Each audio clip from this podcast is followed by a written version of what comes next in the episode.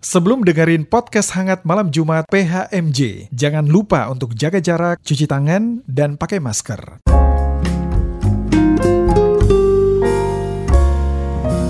Podcast Hangat Malam Jumat. Halo Sobat Hangat, kita jumpa lagi di PHMJ Podcast Hangat Malam Jumat.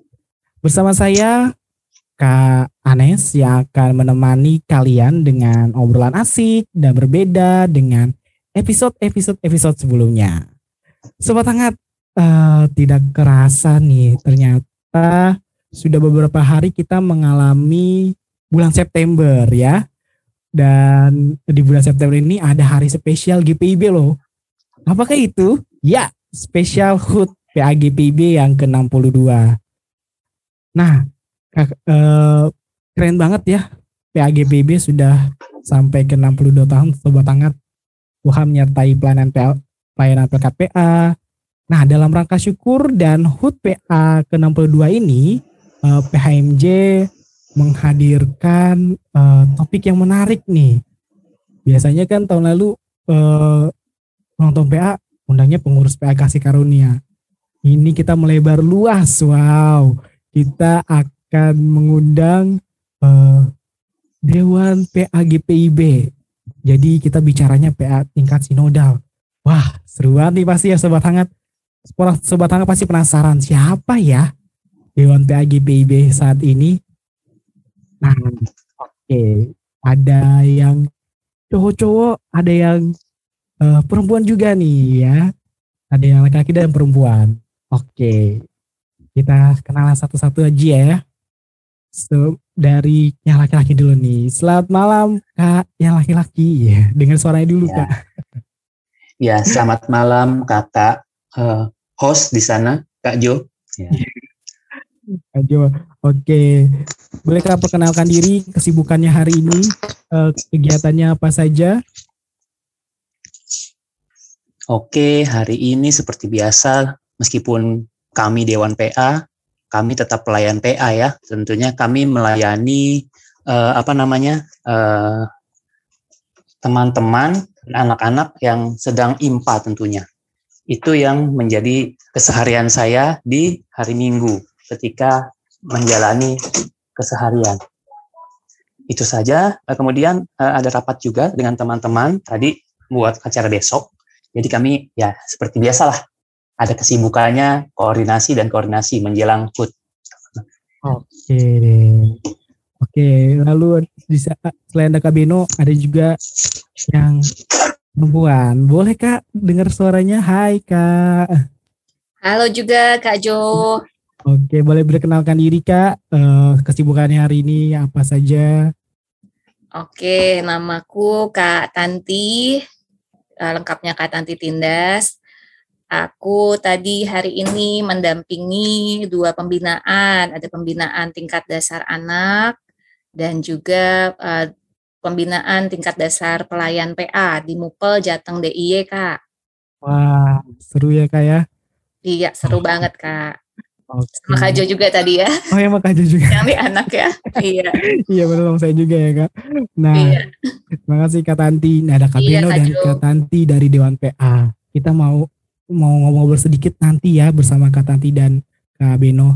Lalu Sobat Hangat, uh, seperti biasa dan selalu hadir yang akan menerangi kita dengan firman Tuhan. Yaitu ada Bapak Pendeta Baru Ben Pesang. Selamat malam Pak Pendeta.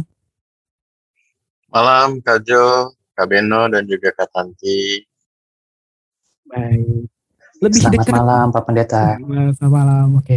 Lebih dekat dengan Dewan PA akan kita bahas uh, pada malam hari ini. Jadi jangan ke mana-mana, tetap di podcast hangat malam Jumat.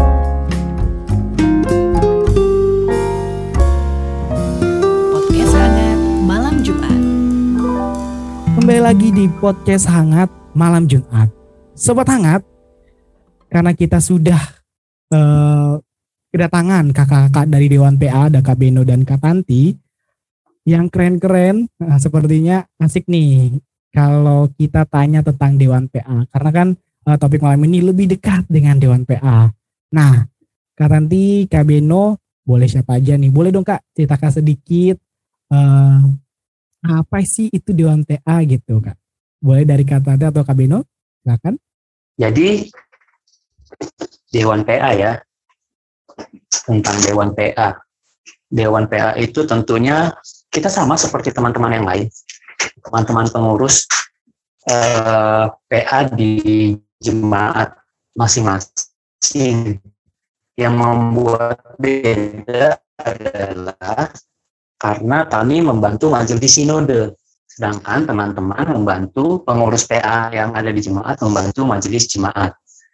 Nah, itu saja yang membuat beda uh, lingkupnya, lingkup jemaat dan lingkup sinode. Selebih kami tetap menjalani, menjalani pelayanan di jemaat kami masing-masing, tetapi ketika untuk membuat program, kami juga memikirkan program uh, Pelkat PA seluruh GPID, tidak bisa lingkup lingkup jemaat saja atau lingkup mupol dalam koordinasi, tetapi kami akan membantu membuat dan me, apa namanya mengkondisikan bahwa semua program PLKPA itu bisa dijalankan di semua pel, di semua jemaat yang ada di wilayah-wilayah Indonesia dan bisa dikoordinasikan oleh semua mupol yang ada di wilayah-wilayah DPIB.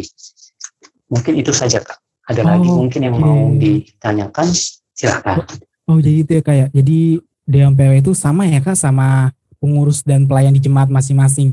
Jadi uh, bedanya uh, Dewan PW ini mengurusnya untuk uh, sinodal ya kak se Indonesia dan uh, sama juga sama kita juga pengurus PA ngurus uh, bikin program dan sebagainya ya kayak ya.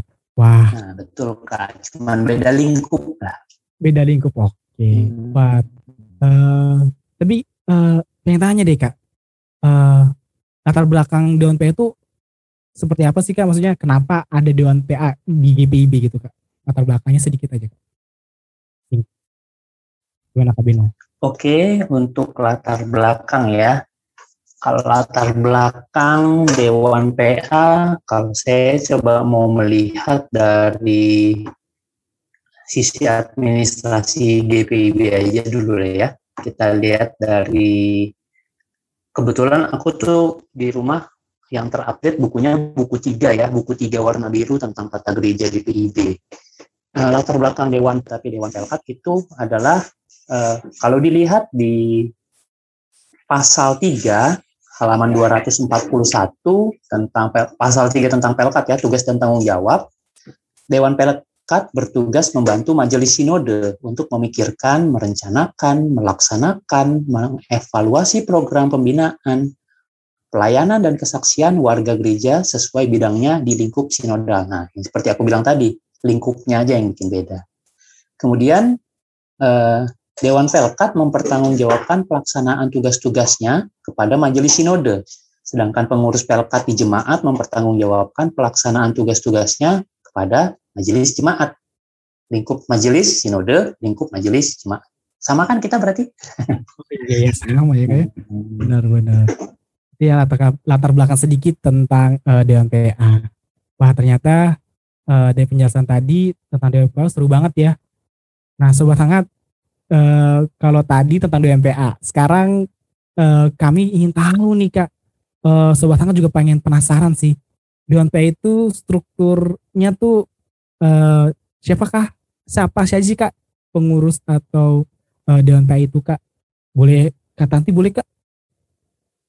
Oke boleh kak. Di periode 2015-2020 plus ini ya, uh, ketuanya saya sendiri Tanti Tindas, wakil ketua Kak Benino Aipasa, kemudian sekretaris satu sekretaris ya sekretaris itu dengan Kak Putri, Kak Putri uh, Tumelap, lalu Wakil Sekretaris Kak Giatika Daila Pasa, lalu Bendahara dengan Kak Esther Patina Materu, kemudian uh, anggota ada Kak Vina Sitania Pesi, Kak Anastasia Mandik, Kak Benaya Sulistiono, dan juga Kak Christian Detan. Jadi Berarti ada, ada sembilan ya, ya? Sembilan, betul. Wah, ternyata kirain cuman kalau di gereja-gereja kayak kita kan cuma empat orang atau cuma lima orang ini ternyata uh, Dewan itu ada lima wah ada sembilan sorry ada sembilan karena yaitu tugasnya uh, memikirkan dan membuat program untuk CGPIB wah seru banget ya kita dengar tentang Dewan PA itu seperti apa ya Sobat Hangat. Nah, Sobat Hangat masih penasaran kan uh, kita mau bahas apa lagi di Dewan PA DPIB apalagi lagi ulang tahun nih seperti uh, tanggal 6 kemarin gitu kan. Oke, jangan ke mana-mana, tetap di podcast hangat malam Jumat.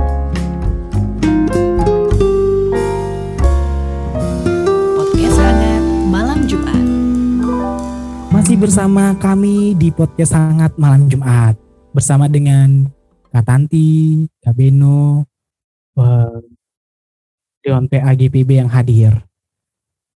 Nah, sobat hangat, kita pengen tahu juga ya sobat hangat uh, di masa pandemi seperti ini uh, Dewan PA hadir selalu menyemangati para pelayannya di masa pandemi ini. Kita mau mendengar nih tentang Dewan PA di masa pandemi seperti ini ya kak. Penasaran ya teman-teman ya atau sobat hangat semua. Nah, coba boleh nggak kak uh, ingin tahu kak sebelum pandemi itu kegiatannya pasti banyak kayak kak. Oh, boleh tau nggak sih kak kegiatan Dewan PA sebelum pandemi itu uh, apa aja sih kak gitu? Boleh kan tadi? Iya. Uh, sebelum pandemi biasa ya kayak kita ada pembinaan-pembinaan nih untuk klien, untuk adik klien. Kemudian uh, juga ada kegiatan safari pelkes kalau di bidang pelkes Nah, hmm. dari Departemen Pelkes kan ada kegiatannya tuh Kak, kunjungan ke pos-pos Pelkes. Nah, iya, kami ikut iya, juga iya. di acara itu. Dan biasanya di pos-pos Pelkes kami melakukan pembinaan juga buat adik-adik, buat pelayannya. Juga ada kegiatan aku suka membagi, sudah pada tahu juga ya Kak Jo ya? Oh iya, aku suka membagi. Iya, itu bisa berlangsung. Kemudian ada juga gerakan cinta bumi, itu nah, juga uh, dilakukan. Uh, ya kurang lebih itu sih Kak, Kak Jo ya kemarin sebelum pandemi juga kalau dalam rangka HUT kita ada Olimpiade Anak ya tahun uh, 2000 eh 2000 ya tahun 2019 19, ya, ya oh. 60 tahun PA bersyukur banget sih waktu itu tuh benar-benar pas banget gitu ya sebelum ya. sebelum pandemi untungnya kita bisa terlaksana gitu Bener, ya, Kak? iya Wah. itu Kak Jo Kadang-kadang hmm. sih kita juga diundang oleh uh, teman-teman di jemaat untuk ada kadang membantu memimpin persiapan, lalu melayani firman ataupun oh, gitu, pembinaan. Kak. Jadi iya. Di kakak uh, jadi DMP itu bisa memimpin persiapan juga kayak? Ada sih jemaat-jemaat yang memang oh. meminta, iya seperti itu. Ya, banyak sekali ya kak. Coba iya, kalau puji Tuhan. Oh iya, sama terakhir sih sebelum pembinaan kami bersama dengan Departemen PPSDI itu me menyusun ya, menyusun materi-materi bina yang diperbaharui, um, kemudian melaksanakan training of trainers yang dilakukan di beberapa sentra, itu lumayan cukup padat gitu ya. Padat ya kayak. Uh, uh, di samping juga ada juga teman-teman yang membantu menulis di Sabda Bina Anak Harian, mengurus juga untuk teknisnya uh, editing tulisan, uh, ya sampai ke siap cetak seperti itu. Antara lain itu Kak Ju. Wah, jadi kayak ternyata uh, banyak sekali kegiatannya. Tapi Kak, uh, untuk saat ini beda nggak sih Kak kegiatan Dewan PA saat ini sama uh, COVID kalau COVID kegiatannya uh, di masa pandemi ini COVID gimana kegiatannya kak? Iya betul kak Jo ya. Pas mulai COVID ini kita yang pasti di awal itu sama-sama cukup uh, bergumul ya dan terpukul juga dengan kondisi yang ada. Uh, waktu itu pas di awal sekitar bulan Maret kita kan mulai awal Maret ya mulai iya. ada pan, pandemi di Indonesia ya. Maksudnya uh, COVID itu masuk Indonesia itu memang kami memikirkan untuk menyemangati kakak-kakak waktu itu sih kami mengeluarkan semacam uh, surat himbauan begitu ya untuk uh, teman-teman di jemaat tetap semangat dan melakukan hal-hal yang bisa menguatkan uh, kerohanian mereka khususnya. Jadi waktu itu kami ajak untuk kakak-kakak juga bersama dengan adik-adik lebih rajin lagi berdoa berdoa, kemudian uh, tetap melakukan ibadah, me, kami menyemangati untuk bisa melakukan ibadah secara daring begitu ya. Lalu tetap juga memuji Tuhan, bahkan juga kami uh, sarankan agar bisa ada uh, kegiatan doa bersama di dalam jemaat supaya saling menguatkan seperti itu. Dan yang pasti tentunya pola hidup sehat dan melakukan prokes ya Kak Jo. Itu sih yang di awal pandemi. Berikut-berikutnya puji Tuhan Kak Jo.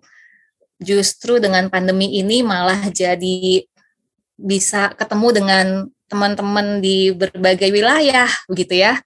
Waktu hmm. mulai sekitar bulan Juni di tahun 2020 itu kita mengadakan doa bersama dengan para pelayan dan itu kita bikin ada beberapa gelombang begitu ya sehingga hmm. bisa berjumpa dengan yang di Pulau Sumatera, Pulau Kalimantan, uh, ya di Nusantara inilah ya kita bagi-bagi sehingga bisa ketemu di situ. Itu salah satunya yang diadakan uh, di masa pandemi ini, Kak Jo. Wow. Jadi masa pandemi ini uh, syukurnya itu ya kak. Bisa lihat semua pelayan-pelayan. Biasanya kan susah ya kak kalau kalau uh, ini apa? Kalau nggak pandemi pasti harus naik pesawat dulu ya kan kak? Betul betul. Dan itu yang kadang lumayan ya perjalanan uh, pulang pergi apa ya iya. weekend itu padat gitu. Mm -hmm. intinya masa pandemi mendekatkan semua anggota GPIB lah ya yes, lewat betul banget. lewat virtual Yes. Malah bukan pelayannya juga ya kak, tapi anak layannya juga. Betul, Wah, betul. Itu luar biasa betul sekali. Wah, itu ya. Ternyata pergumulannya berat juga ya kak, Dewan PA di masa pandemi seperti ini ya. Tapi bersyukur Tuhan masih mempercayakan kakak-kakak yang hebat-hebat ini untuk uh, dipakai Tuhan selalu terus-terus menerus menjadi alat berkatnya. Nah, kak, uh, boleh Kak Bino nih, Kak Bino, perbedaannya nih kak kegiatan DOPA dengan kegiatan Pelkat PA di mat lokal biasanya itu ada perbedaan nggak sih kak? Atau sama aja kak kegiatan uh, eh, okay, di sinodal okay. sama di jemaat? Boleh nggak kak? Kita sedikit. Oke. Okay. uh, eh, aku berdoa dulu nih semoga sinyalku nggak hilang seperti tadi ya. Siap kak. Siap siap. Ya kak. Jadi uh, tentang program kegiatan ya. Program kegiatan antara majelis uh, Dewan Pelkat PA dengan pengurus Pelkat PA itu kalau di, kembali lagi aku akan bilang kita sama. Samanya dalam hal apa? Ketika Dewan Pelkat itu menjalankan eh, program-program uh, yang ada di dalam enam bidang majelis sinode kalau di sinodal itu dalam bentuk departemen-departemen kan ada bidang-bidang dibantu oleh departemen-departemen. Kalau di jemaat bidang-bidangnya sama seperti itu ada enam bidang dibantu oleh komisi-komisi Nah, kita tuh menjalankan misalnya di bidang uh, iman ajaran ya teologi ya. Itu kita programnya yaitu mengajak jemaat-jemaat uh, yang ada di 326 jemaat kalau tidak salah ya sekarang update-nya itu harus melaksanakan IHMPA bagaimanapun juga. IHMPA kenapa ada haknya hari Minggu kalau ibadah Minggu bahasa Indonesia kita tuh Minggu bisa dalam satu minggu seminggu itu bisa hari Senin saja atau hari Rabu saja atau hari apa. Tetapi kalau kita tambahin H, keterangannya adalah ibadah hari Minggu, makanya ibadah hari Minggu hanya khusus di hari Minggu, sama seperti ibadahnya orang dewasa. Program-program lain ketika misalnya bikin pembinaan, sama, kami juga bekerja sama dengan Departemen PPSDI mengadakan pembinaan-pembinaan. Sama seperti di jemaat, misal jemaat mampu untuk membuat pembinaan-pembinaan, pengurus bersama-sama dengan komisi PPSDI di jemaat berkoordinasi dan membuat pembinaan untuk jemaat-jemaat yang ada dari jemaat anak hingga jemaat lansia. Jadi kalau boleh dibilang, apa yang dijalankan oleh Dewan Pelkat eh, PA dengan pengurus PA di jemaat itu sama menjalankan program bersama yang sudah disepakati oleh majelis jemaat untuk pengurus dan majelis sinode uh, untuk uh, programnya Dewan Pelkat PA. Mungkin itu kayak yang aku bisa sampaikan ya. Kak Tanti mungkin ada tambahan silahkan. Wah bener ya. Jadi emang uh, program dia apa pasti buat jemaat juga ya kak ya. Pasti buat jemaat. Betul kak. Bisa turun ke tingkat jemaat langsung atau bisa turun ke Kalau mupol itu sebenarnya bukan struktur kita ya. Mupol itu hanya sebagian koordinasi, koordinasi dari jemaat-jemaat wilayah atau jemaat-jemaat lingkup. Contohnya Jakarta Timur, GPB eh, GPB yang di Jakarta Timur atau GPB GPB yang di Banten itu kan hanya berkoordinasi seharusnya, bukan punya program lagi. Program itu hanya ada program majelis sinode dan programnya jemaat. jemaat. Nah, program majelis sinode itu bisa dilaksanakan berkoordinasi Mupel yang melaksanakan bersama-sama dalam bentuk koordinasi beserta dengan jemaat-jemaat. Ada juga yang mengarah langsung ke jemaat untuk melaksanakan program kerja yang sudah disepakati di dalam persidangan tahunan biasanya, persidangan tahunan uh, eh, PST, persidangan sinode tahunan. Seperti itu, Kak. Uh, boleh, Kak. Kak Tati mungkin ada tambahan, Kak? Iya. Uh, sedikit mungkin dari aku kak. Jadi memang kalau lingkup dewan kita lebih melihat lebih luas ya kak ya. Artinya ketika bersama PPSDI kita menyusun uh, pembinaan, berarti kan kita melihat ya secara luas, secara global itu kira-kira kebutuhan pelayan ataupun kebutuhan anak layan di GPIB itu apa kira-kira. Kemudian juga um, dari jadi kan kita mengusulkan ya juga mengusulkan program-program yang kita lihat baik dan diperlukan juga sesuai juga dengan perkembangan. Nah, di Dewan PA pun kita juga kadang menghadiri ada undangan dari uh, eh, CCA itu Dewan Gereja Asia ya yang uh, ketika ada topik-topik tentang anak kita ikut serta, kita jadi dibukakan juga wawasannya, diingatkan juga tentang kebutuhan ataupun uh, kerinduan ya untuk kita memang perlu menjadi gereja ramah anak. Nah, yang yang yang seperti itu itu juga kita pikirkan bagaimana supaya itu bisa uh, ter jemaat-jemaat juga mengerti, mengetahui dan mulai melakukannya.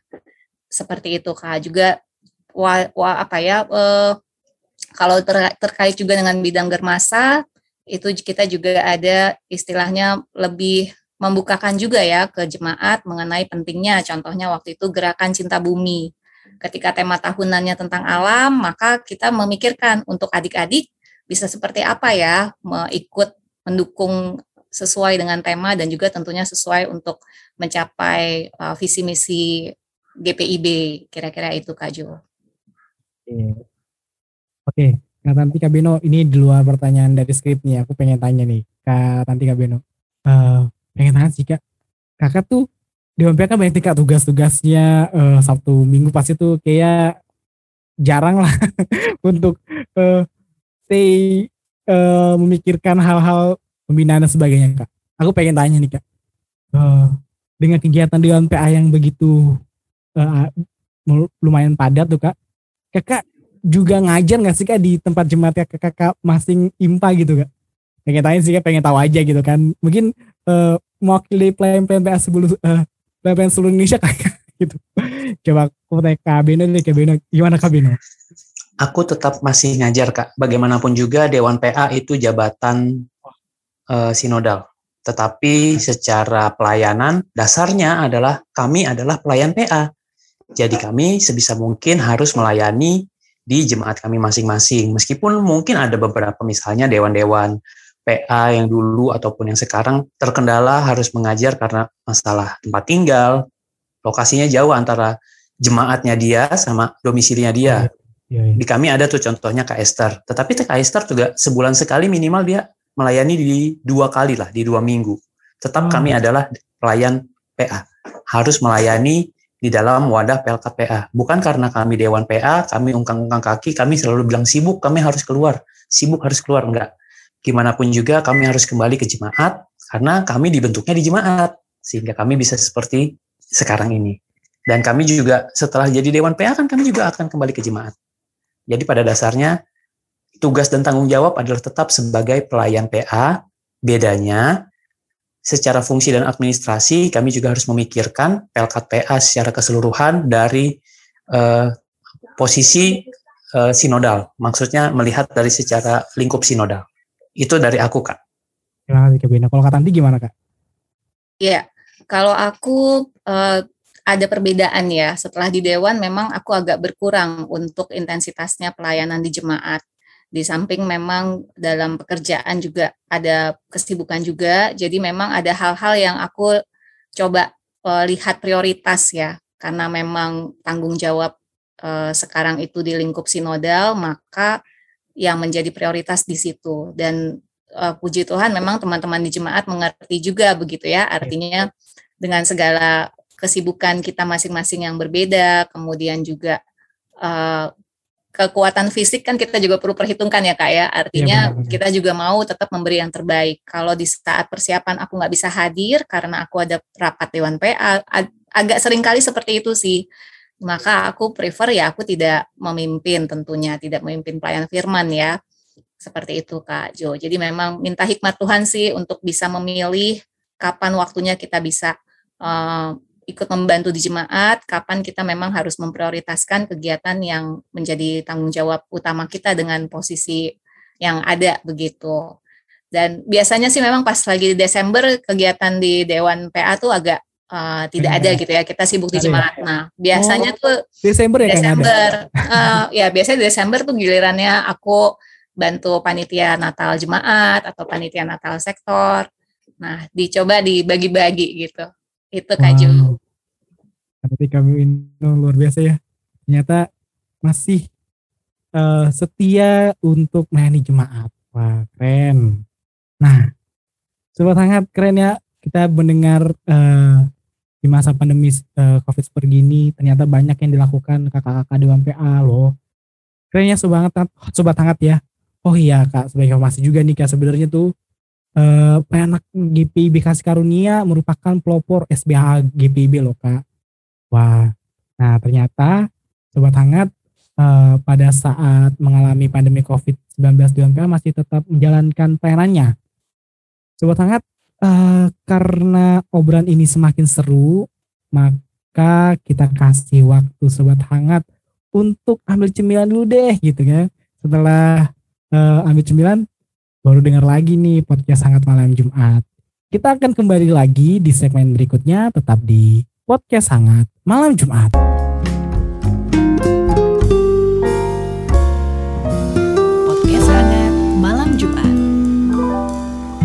Kembali lagi di podcast sangat malam Jumat. Nah, sobat hangat, karena sudah lengkap dengan cemilan tadi yang sudah saya sampaikan, kita lanjut dengan daun PA ya.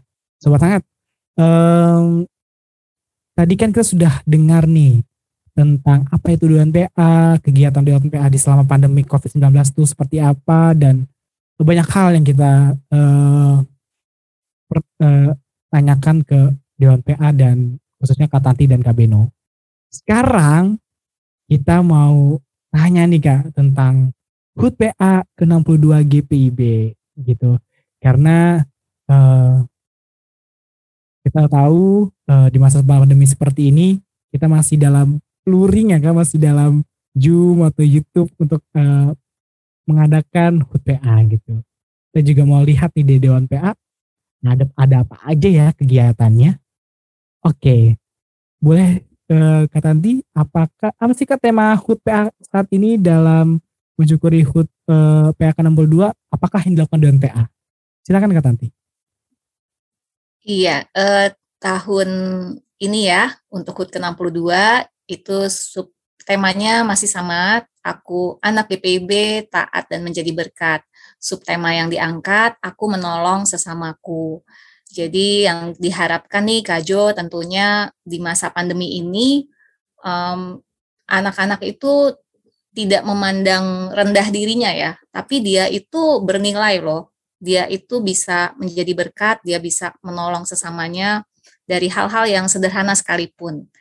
Dan kita juga orang dewasa, kita mau diingatkan ya bahwa dengan membuat kesempatan ya atau memberi pengalaman adik-adik melayani, adik-adik bisa menolong sesama, adik-adik bisa berdoa buat yang lain, itu akan menjadi uh, penguat buat diri mereka bahwa mereka itu anak Tuhan yang memang punya peranan begitu ya, punya peranan di di dunia ini. Apalagi kalau adik-adik tuh e, berdoa ya, Kak Jo ya.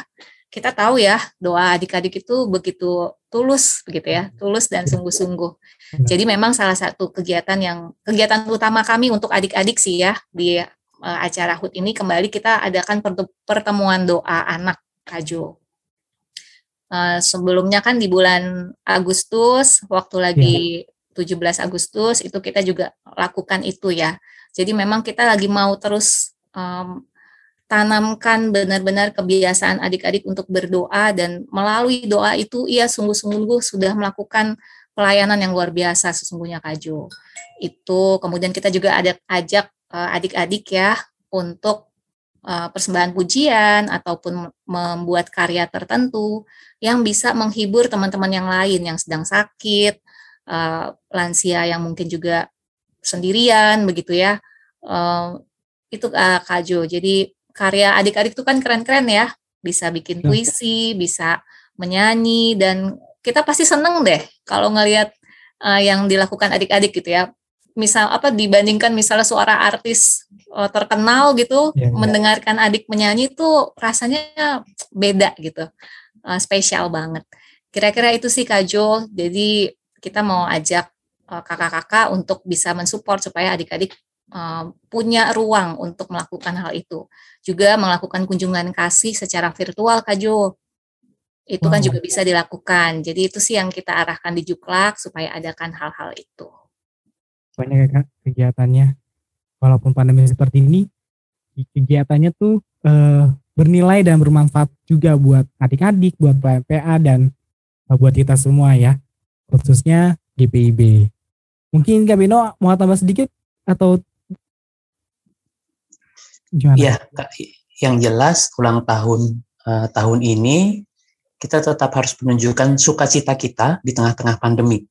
Bagaimanapun yang terjadi, tetap kita harus bersuka cita, tetapi kita juga harus waspada dan kita harus tetap memperhatikan uh, lingkungan sekitar kita agar tetap GPIB dalam hal ini anak-anak uh, GPIB yang adalah masa depan GPIB bisa menjadi berkat untuk orang-orang di sekitar.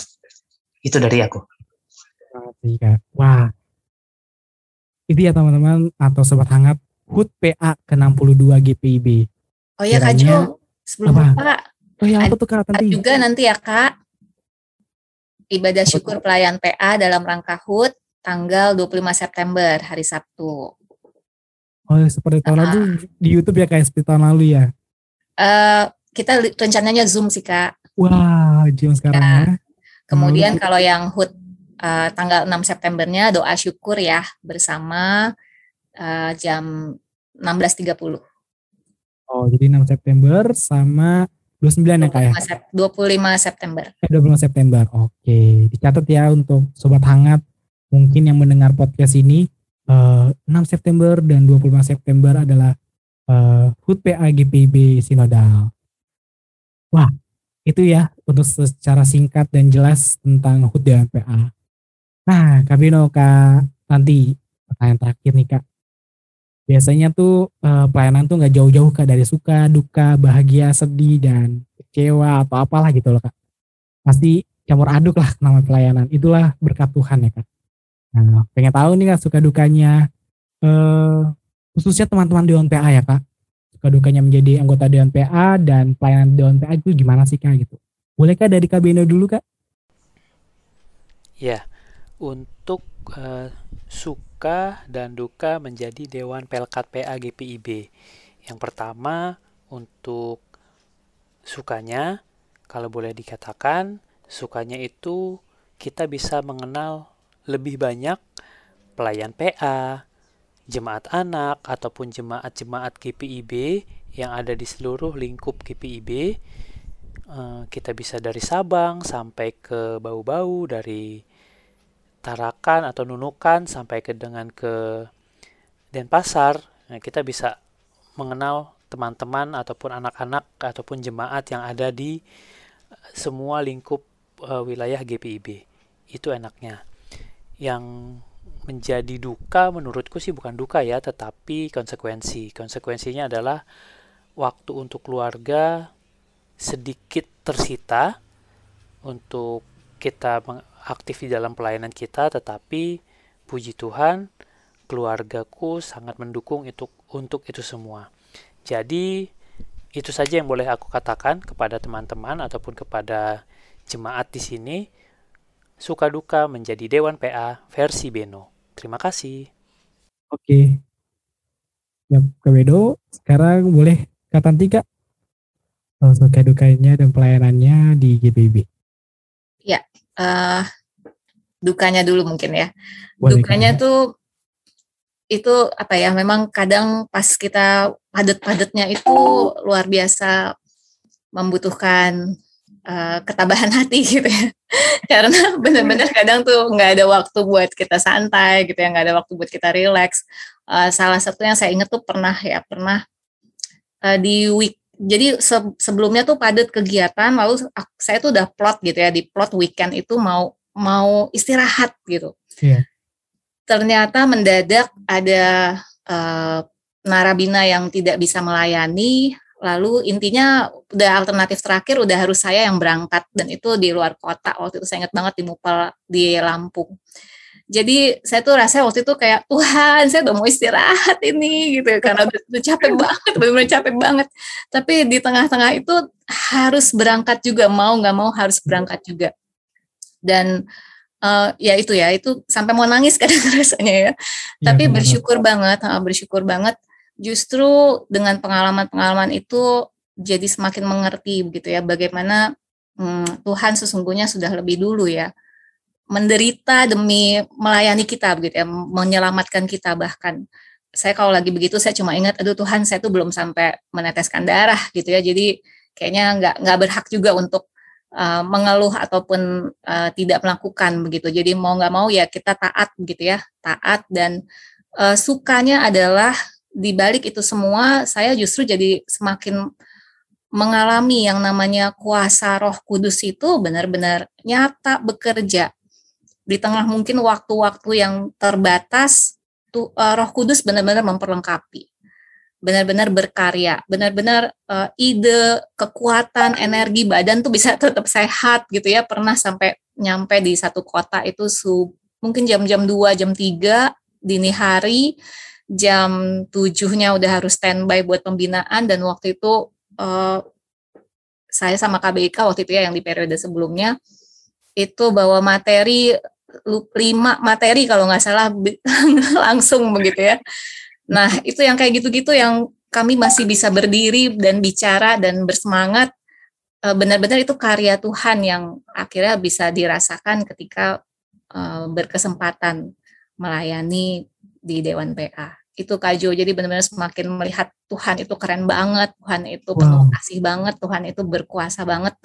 Nah, itu yang jadi sukanya ya. Selain sama seperti Kak Beno mungkin tadi juga menyampaikan bisa ketemu dengan teman-teman pelayan PA dan adik-adik PA di berbagai uh, kota itu juga suka yang sukacita yang luar biasa.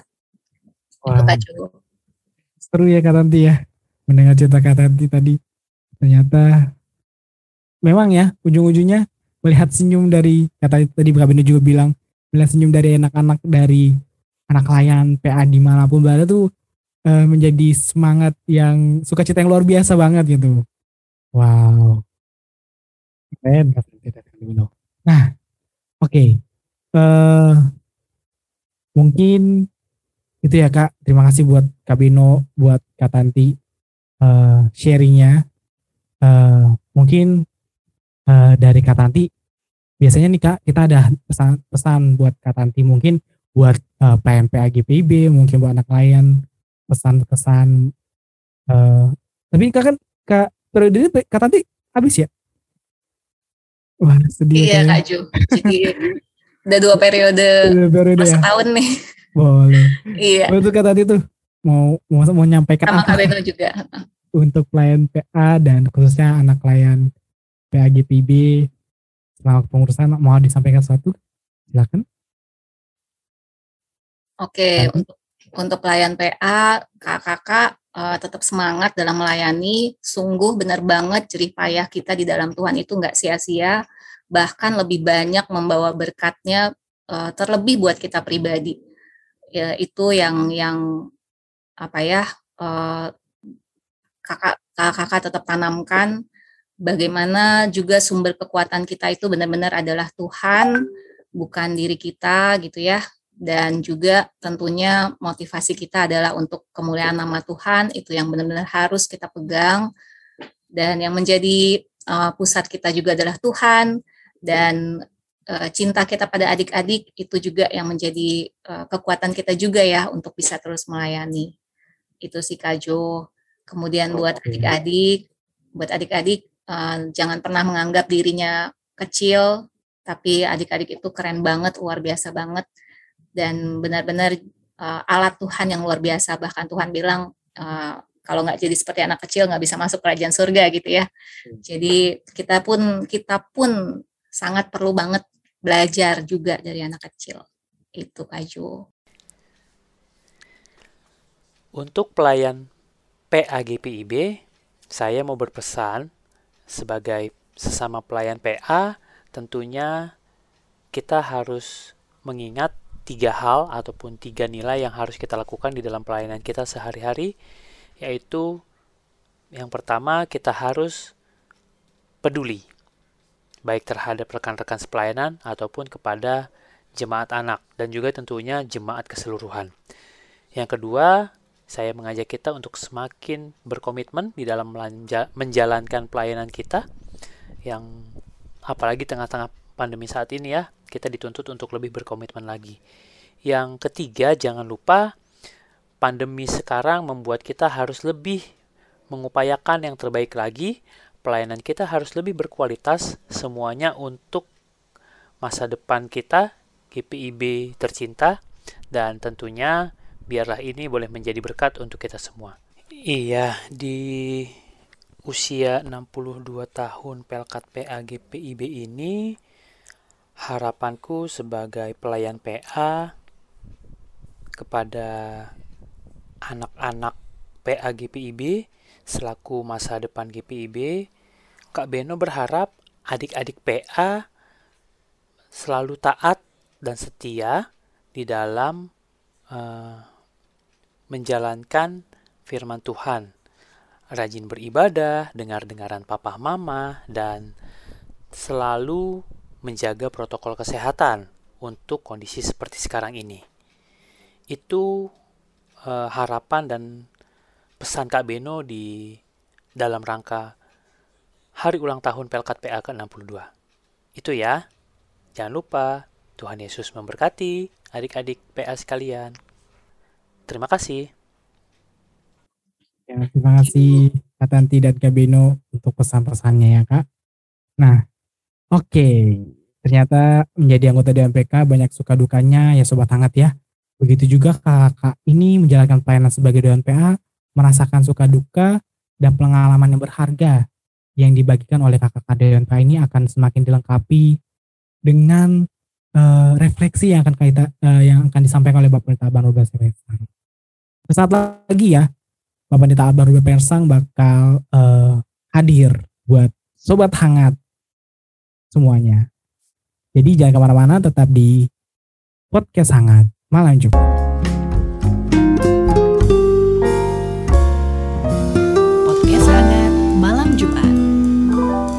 Kembali lagi di podcast Hangat Malam Jumat. Halo Sobat Hangat, terima kasih tetap setia mendengarkan podcast ini. Karena eh, tadi kita sudah mendengar cerita banyak sekali dari kakak dan PAGPIB.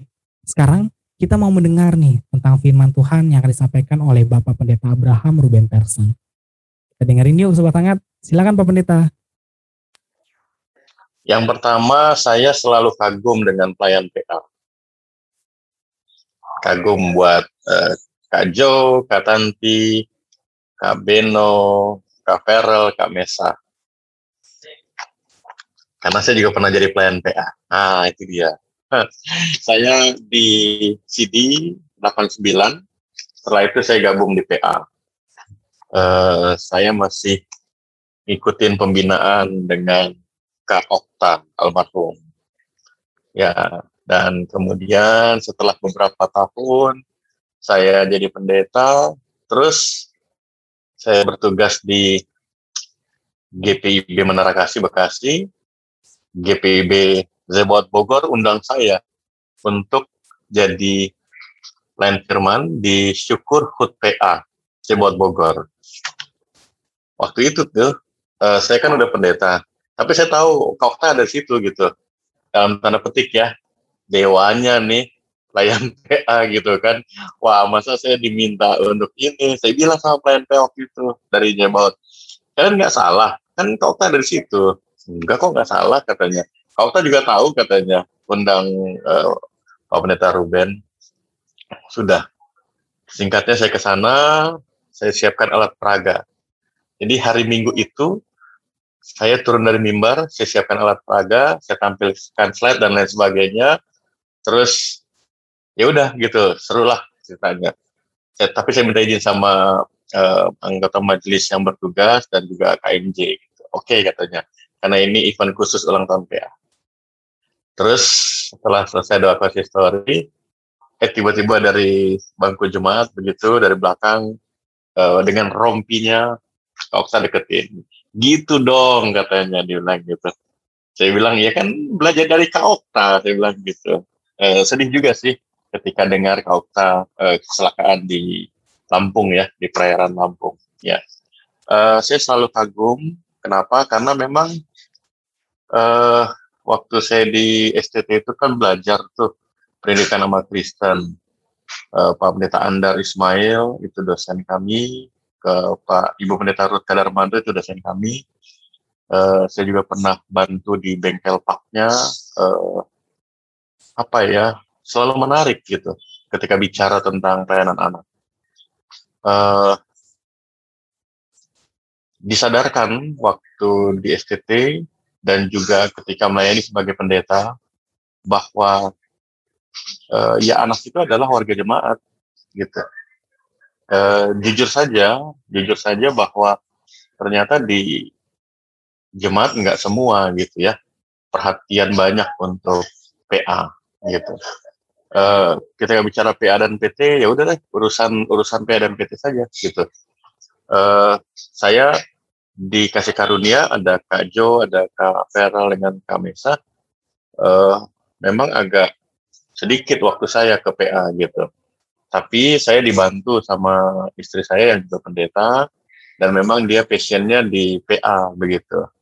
Uh, sejak 2000 2009 ketika saya mutasi ke Jambi dari Makassar, kami berdua sepakat istri saya non organik tapi sejak itu istri saya uh, uh, selalu pegang PA gitu, pegang dalam arti mendampingi gitu, mendampingi dan ketika kami di Singapura juga di Presbyterian Orchard, istri saya uh, dampingi komisi anak. Kalau di sana namanya komisi anak gitu. Uh, ya justru istri saya yang kerja keras. Kenapa? Karena kalau saya melayani jemaat umum, khotbahnya bahasa Indonesia gitu. Sementara kalau yang komisi anak itu, ya anak-anak lahir di sana harus pakai bahasa Inggris. Jadi istri saya yang kerja keras, tapi uh, kami belajar, artinya saya sharing sama istri dan uh, oh ternyata uh, mereka pakai kurikulumnya begini dan seterusnya gitu ya. Uh, ya senang. Dan ketika kembali ke Indonesia, terus uh, dikasih karunia, ya senang melihat ada Kajo, Kamesa, terus yang sekarang generasi-generasi barunya ada Kak Feral gitu ya bahwa kesinambungan pelayanan itu perlu. Gitu. Nah, ini saya mau saya sampaikan sebagai intro untuk refleksi mau mengatakan apa uh, supaya sobat hangat begitu yang mendengar baik sobat hangat yang anda dikasih karunia atau di mana pun uh, jangan pernah mengabaikan anak-anak karena Tuhan Yesus sendiri kan bilang uh, biarkanlah anak-anak itu datang kepada aku eh, catatan Alkitab itu dari Injil Matius itu pesan yang sangat tegas. Bahkan kalau boleh saya pakai istilah, itu pesan yang eh, membongkar, membongkar atau mendekonstruksi eh, konsep pada saat itu. Kenapa? Konsep Yahudi mengatakan bahwa anak itu bisa bicara kalau dia sudah selesai dari yang namanya uh, Bet Hasefer, Bet Midras, Bet Misnah. Nah itu Bet misnah itu dia dianggap dewasa.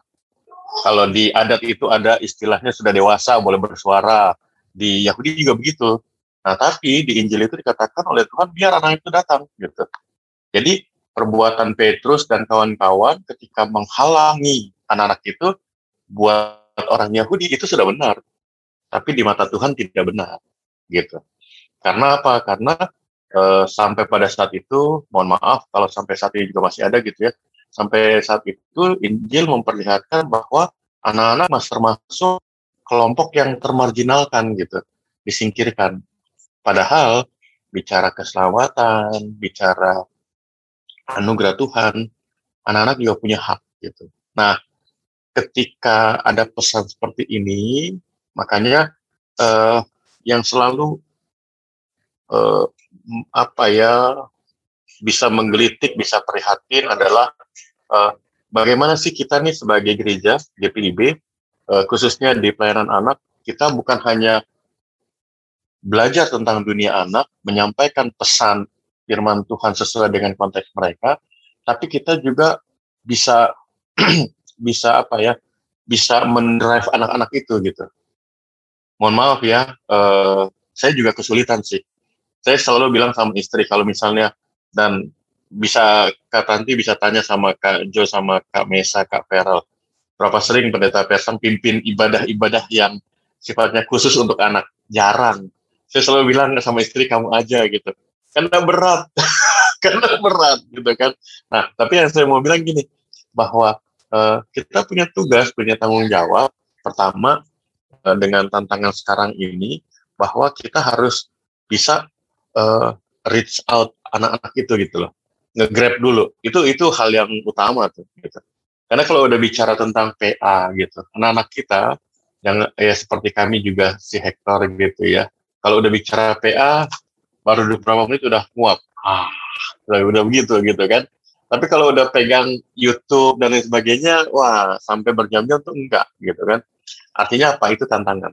Tantangan yang bukan untuk di apa dikutuk gitu ya berdosa enggak tapi bagaimana itu kita manfaatkan gitu loh nah saya tuh gregetan eh, kenapa sih anak-anak muda Kristen GPIB gitu ya kan jago-jago tuh ada Kak Ferel nih yang sudah mulai masuk di BINUS gitu kan, dan juga yang lain-lain. Kenapa sih nggak bikin aplikasi-aplikasi gitu, yang keren gitu? Kenapa sih uh, model kayak Superbook itu kan sebenarnya ya bisa lah kita bikin gitu kan? Apalagi GPIB dengan kekayaan di 26 provinsi gitu, dengan kekayaan uh, budaya-budaya kan bisa tuh cerita-cerita Injil itu dimasukkan di situ, lalu kemudian dibuat dalam aplikasi-aplikasi itu itu itu menurut saya itu peluang dan tantangan gitu. Nah itu yang saya pikir ke depan gimana ya GPIB bisa pikir itu. Maksud saya gini, uh, keberadaan Dewan PA kalau saya baca buku yang pernah diluncurkan waktu Dewan PA itu Kak Lona dan kawan-kawan dalam rangka 50 tahun, di situ kan oh sama kita punya buku primonya sama ya kata dia. Jadi di situ kan dibilang ya, bahwa Iya. Itu dibilang bahwa ya Dewan PA itu kan baru terlacak itu dari tahun 86 gitu ya. Data persisnya itu baru tahun 70. Sebelumnya disebut Dewan uh, Sekolah Minggu atau KKR gitu. Artinya apa? Sejak awal tahun 59 serius nih gereja ini mikirin anak gitu loh. Uh, jadi saya senang tuh tadi kalimatnya Kak Tanti dan pertanyaan Kak Jo yang yang yang saya pikir brilian ya dan itu uh, sangat baik untuk didengar oleh semua sobat hangat bahwa uh, gimana Kak Beno dengan Kak Tanti di jemaat gitu masih ngajak atau enggak gitu dua jawaban yang sepertinya berbeda tapi menurut saya jiwanya sama gitu bahwa sadar benar saya ini pelayan PA soal saya ada ada keaktifan di lingkup mupel apalagi di lingkup sinodal itu tidak menggeser jiwa saya dari pelayanan PA gitu. Itu sih yang saya tangkap gitu. Dan saya pikir itu penting gitu. Itu penting bagaimana kita punya apa ya sense of apa untuk anak-anak kita itu. Kenapa? Karena saya di, sempat dikoreksi itu sama istri saya. Kita kan sering bilang anak-anak itu kan gereja masa depan. Padahal bukan. Mereka gereja masa kini. Gitu loh. Kalau nggak masa depan kan seolah-olah, yo nanti ya kita urus anak-anak kita. Enggak. Keberadaan Dewan PA, Dewan Sekolah Minggu, atau Dewan KKR sejak uh, 86 sebelumnya sampai sekarang begitu, itu sebenarnya menjadi think tanknya Majelis Sinode gitu loh. Untuk gimana nih? GPW ini kan luar biasa. Kemarin waktu uh, proses persiapan peneguhan pendeta Sonya itu saya dikasih tunjuk sama uh, Sekum Ibu Pendeta Martin. Nih, uh, Ruben, kita punya update nih. Uh, PA anak-anaknya ada sekian. Udah ada tuh datanya tuh. Uh, jemaat kita nih ada sekian gitu. PT ada sekian anak-anaknya. Wah, uh, keren banget gitu kan. Tapi yang keren itu kan apa ya? Uh, anugerah yang memang betul harus kita seriusi gitu loh. Jadi uh, mungkin apa ya tadi jiwanya itu bahwa saya nih mau melayani anak-anak gereja masa kini yang dipersiapkan untuk ke masa depan. Ya hari ini tantangannya 10, masa depan tantangannya mungkin 100 gitu. Nah apa yang mau kita buat gitu? Uh, Dewan PA saya pikir sudah uh, maksimal ya dan dan saya pikir baik. Uh, minggu lalu Kak Jo menginformasikan bahwa melalui ketua 3 PHM di rapat PHM dibilang nanti dalam rangka ulang tahun PA ada doa bersama presbiter ya besok ya kalau tidak salah. Nah itu dia. Jadi itu bagus. Sebagai informasi kata nanti kami di sini sejak April 19 April tahun lalu uh, presbiter itu ada doa siang jam 12 lewat Zoom. Jadi siapa pun yang uh, memang pas ada waktunya jam 12 kita berdoa. Makanya ketika minggu lalu disampaikan oleh ketua tiga bahwa ada doa bersama anak-anak, saya bilang, wah ini bagus banget gitu.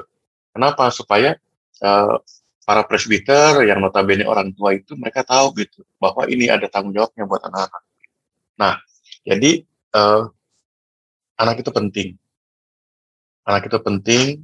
Di dalam Alkitab itu ada beberapa anak yang menurut saya mereka menjadi pribadi yang besar karena sentuhan-sentuhan sederhana orang tua. Yusuf misalnya, gitu ya. E, siapa sih yang bisa ngalamin kayak Yusuf begitu? Dalam konteks pada saat itu sebenarnya Yusuf sudah mati gitu. Dan yang ngerinya lagi adalah dia bukan hanya dibully dalam bahasa sekarang oleh abang-abangnya, tapi ya memang dijual. Dijual itu berarti kan diputuskan hubungan. E, banyak penafsir mengatakan begini, kenapa sih Yusuf bisa sebegitu kuat ketika dia sampai di Mesir, lalu kemudian dia sempat mengalami ya kebaikan-kebaikan sampai di rumah Potifar, uh, sampai dia sudah jadi pejabat ketemu dengan saudaranya, selalu kata-katanya begini, karena Allah yang mendahului, karena Allah yang menghendaki, itu kan dahsyat itu. Uh, saya ngebayangin fungsi Dewan PA, fungsi pelayan-pelayan PA, ya mendrive cara berpikirnya anak-anak gitu. Uh, bukan untuk jadi masuk STT semua, enggak. Itu saya tolak tuh. Saya tolak dalam nama Yesus kan. Maksudnya gini loh, itu cara berpikir yang sempit gitu loh. Bahwa GPIB sejak awal-awal almarhum Pak Pendeta Matthew katakan bahwa GPIB adalah Jumat Misioner, PA itu termasuk yang membuat uh, anak-anak itu menjadi misioner. Artinya apa? Mereka dari kecil sudah punya cita-cita yang besar jadi insinyur, jadi astronot, jadi pengusaha, jadi apa segala macam, tapi yang Kristiani itu yang misioner. Jadi di drive dia punya ini. Uh, seorang bankir, uh, apa Ferel nanti, Kak Ferel yang nanti menjadi seorang uh, ahli informatika misalnya, uh, Kak Mesa apa mungkin dalam waktu dekat kawin dulu gitu ya, eh salah ya. Jadi bapak rumah tangga gitu. Maksudnya Ferel langsung ketawa tuh. Maksudnya apa pun gitu ya cita-cita anak-anak kita itu tapi dia punya isinya menghadirkan Kristus gitu nah itu penting bukan bukan kita mohon maaf nih eh, ketika anak-anak kita pegang gadget pegang apa udah dibilang nggak boleh gini cara nah, itu menurut saya keliru. Pendekatan yang keliru gitu. Justru itu kelebihan di masa mereka bagaimana kita manfaatkan. Kembali ke Yusuf tadi itu. Ngeri yang dialami Yusuf. Tapi kenapa dia bisa kuat?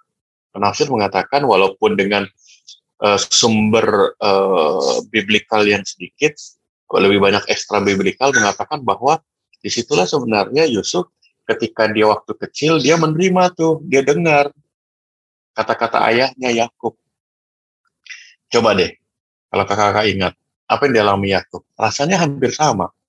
Walaupun pengalamannya beda ya, tapi substansinya sama penolakan, ancaman, kejaran dan lain sebagainya. Dan apa yang di yang dipunyai oleh Yakub, ayahnya Yusuf, yang dipunyai adalah kekuatan di dalam Tuhan, berjumpa dengan Tuhan, di battle, di, pen, di peniel dan seterusnya gitu. Nah itulah yang oleh Yakub kata penafsir diceritakan ke Yusuf. Nah kamu itu lahir dari mama yang namanya Rahel yang aku cintai. Dan untuk mendapatkan mamamu 14 tahun. Nah, itu kan dibohongi sama opamu. Enggak begitu, cerita Yakub enggak begitu. Tapi yang mau dibilang bahwa untuk untuk sampai uh, bapak menikah sama mamamu itu ada ada cerita panjang tuh gitu. Nah, saya pikir itu artinya apa? Uh, pelayan PA di Alkitab itu menurut saya Yakub itu pelayan PA yang yang canggih gitu. Sehingga apa? Lahir seorang Yusuf yang kuat, berkarakter kuat gitu. Nah, yang menarik lagi adalah uh, ketika misalnya kita bicara tentang Daud begitu ya. Daud juga begitu. Daud kan sebenarnya apa ya dalam dalam tanda petik uh, dia punya banyak kesempatan untuk jadi orang hedonis gitu. Dia seorang seniman juga gitu ya terus dia juga punya karisma gitu. Tapi kan uh, apa sampai dia jadi raja, ya dia selalu mengatakan ini karena Tuhan gitu. Dengan Goliat yang hebat itu dia bilang, aku datang dengan nama Tuhan. Gitu. Wah itu kan dahsyat juga tuh. Terus ketika dia jatuh dalam dosa karena uh, perzinahan, ya dia malunya kan minta ampun sama Tuhan. Itu itu yang namanya spiritualitas yang dibangun. Siapa? Saya mau bilang, Isai dan istrinya, ayahnya Daud, cerita tuh. Yang di dalam kitab ulangan pasal 6 dibilang, kalau kamu berjalan, kamu berdiri, kamu sedang ini, ceritakan itu. Artinya apa? Alkitab, baik di dalam perjanjian lama, dan juga di perjanjian baru, salah satu contohnya adalah Timotius, begitu ya, itu betul-betul punya pesan kuat tentang bagaimana kita memperhatikan anak-anak gitu. Karena uh, itu makanya ya uh, ketika Afghanistan saat ini dikuasai oleh Taliban, itu kan ada satu momen yang di capture dan itu menjadi viral di sosial media, yaitu ketika seorang ibu di tengah kerumunan dan dia serahkan bayinya itu kepada tentara Amerika. dia rela untuk tetap tinggal di Afghanistan dengan segala macam ketidakpastian, tapi dia menyelamatkan anaknya. Rasanya apa? Dia menyelamatkan masa depan. Itu kan dahsyat gitu. Itu kan dahsyat. Dan eh, keberadaan kakak, Kak Tanti, Kak Beno yang saat ini percaya di Dewan, Kak Jo, Kak Mensa, dan Kak eh, ya kakak ini menjadi apa ya mata rantai anugerah Tuhan gitu untuk anak-anak kita. Jadi anak itu penting. Firman Tuhan sangat jelas pesannya. Terakhir saya mau bilang begini, ketika saya vikaris di GPB Petrus, setelah diperkenalkan, lalu hari pertama saya ke kantor gereja, terus saya ketemu dengan dulu guru PA, eh guru sekolah minggu dulu. Kan beda ya generasinya ya gitu ya. Dulu guru sekolah minggu. Jadi ketika saya sampai di kantor gereja, dan di kantor gereja itu saya lihat seorang oma gitu ya. Dan itu adalah guru sekolah minggu saya. Yang kami sering panggil Tante Ata gitu. Terus saya bilang, selamat pagi Tante Ata. Terus di oh, Tante Ata itu agak ke Belanda-Belandaan. Eh, uh, Vikaris, gimana kabar gitu. Terus saya dekatin dia. Saya bilang, Tante, Tante Hata ini pasti lupa kalau saya itu anak sekolah minggu Tante Hata. Terus dia bilang, heh, Vikaris jangan goda ya. Ini nih Vikaris baru pertama nih menggoda katanya. Dia bilang, enggak bener. Tante Hata masih ingat gak waktu Natal kita ada uh, apa semacam parade Natal dari Petrus kirim kita itu anak sekolah minggu di Immanuel terus jalan di panggung dan saya itu jadi gembala pakai kain gembala. Wah, tahu apa yang terjadi? Ekspresinya langsung dia uh, apa matanya itu langsung membesar, langsung kemudian dia tertunduk dan dia menangis. Dia menangis. Dia dia dia peluk saya. Dia bilang, aduh, eh, nggak uh, nyangka katanya. anak sekolah minggu saya udah jadi calon pendeta. Ya, kakak akan seperti itu dan mungkin sudah mengalami seperti itu. Ketemu dengan anak sekolah minggu, anak pelayan PA, yang lalu atau mungkin ke depan akan dari jauh akan teriak Kak Jo. Mungkin Kak Jo-nya udah bungkuk-bungkuk jalannya gitu ya. Tapi apa yang ditanamkan itu tidak akan pernah pudar. Eh, selamat untuk pelayanan anak GPB. Selamat juga untuk kakak-kakak, Kak Tanti, Kak Beno, yang mewakili Dewan PA dalam kesempatan ini. Kak Jo, Kak Mesa, dan Kak Feral. Uh, terus semangat, terus persembahkan yang terbaik untuk gereja Tuhan. Begitu Kak Jo. Oke, terima kasih Pak. Kira Bapak ada masukan nggak Pak atau saran buat Dewan PA Pak? Waduh, mesti lewat ketua tiga masih sinode dulu tuh. Karena podcast kita udah didengar nih sama sinode. Yang lalu kan kita minta ketua tiga iya, juga iya. kan untuk jadi nya gitu. Tapi yang pasti gini, uh, saya melihat salah satu dewan yang uh, apa ya cukup aktif begitu dan uh, apa selalu berusaha untuk ya uh, itu juga salah satu motonya dari Kak Okta almarhum uh, be, be creative like Jesus gitu ya. Nah, salah satunya PA seperti itu gitu. Uh, yang jadi penting sekarang seperti yang tadi saya katakan, bagaimana nih sekarang uh, Dewan PA, kakak nelayan uh, bisa bisa melakukan lompatan ke depan gitu ya untuk melihat ini tantangan anak-anak kita seperti ini gitu. Eh, bisa punya approach-approach yang pendekatan-pendekatan yang yang memang tepat tuh dengan anak-anak gitu. Nggak mudah sih. Nggak mudahnya apa? Kalau kan anaknya menurut saya akan jauh lebih mudah. Tapi yang nggak mudah itu adalah ketika menyampaikan itu dalam bentuk kebijakan di program majelis jemaat. Nah itu yang nggak mudah gitu. Nggak mudah juga ketika di sinode gitu. Apa-apaan nih kan biasanya gitu kan. Tapi yang nggak mudah itu bukan berarti tidak mungkin gitu ya apalagi kalau kita lakukan untuk pelayanan gereja Tuhan. Begitu Kak Jo. Baik, terima kasih Pak Pendeta.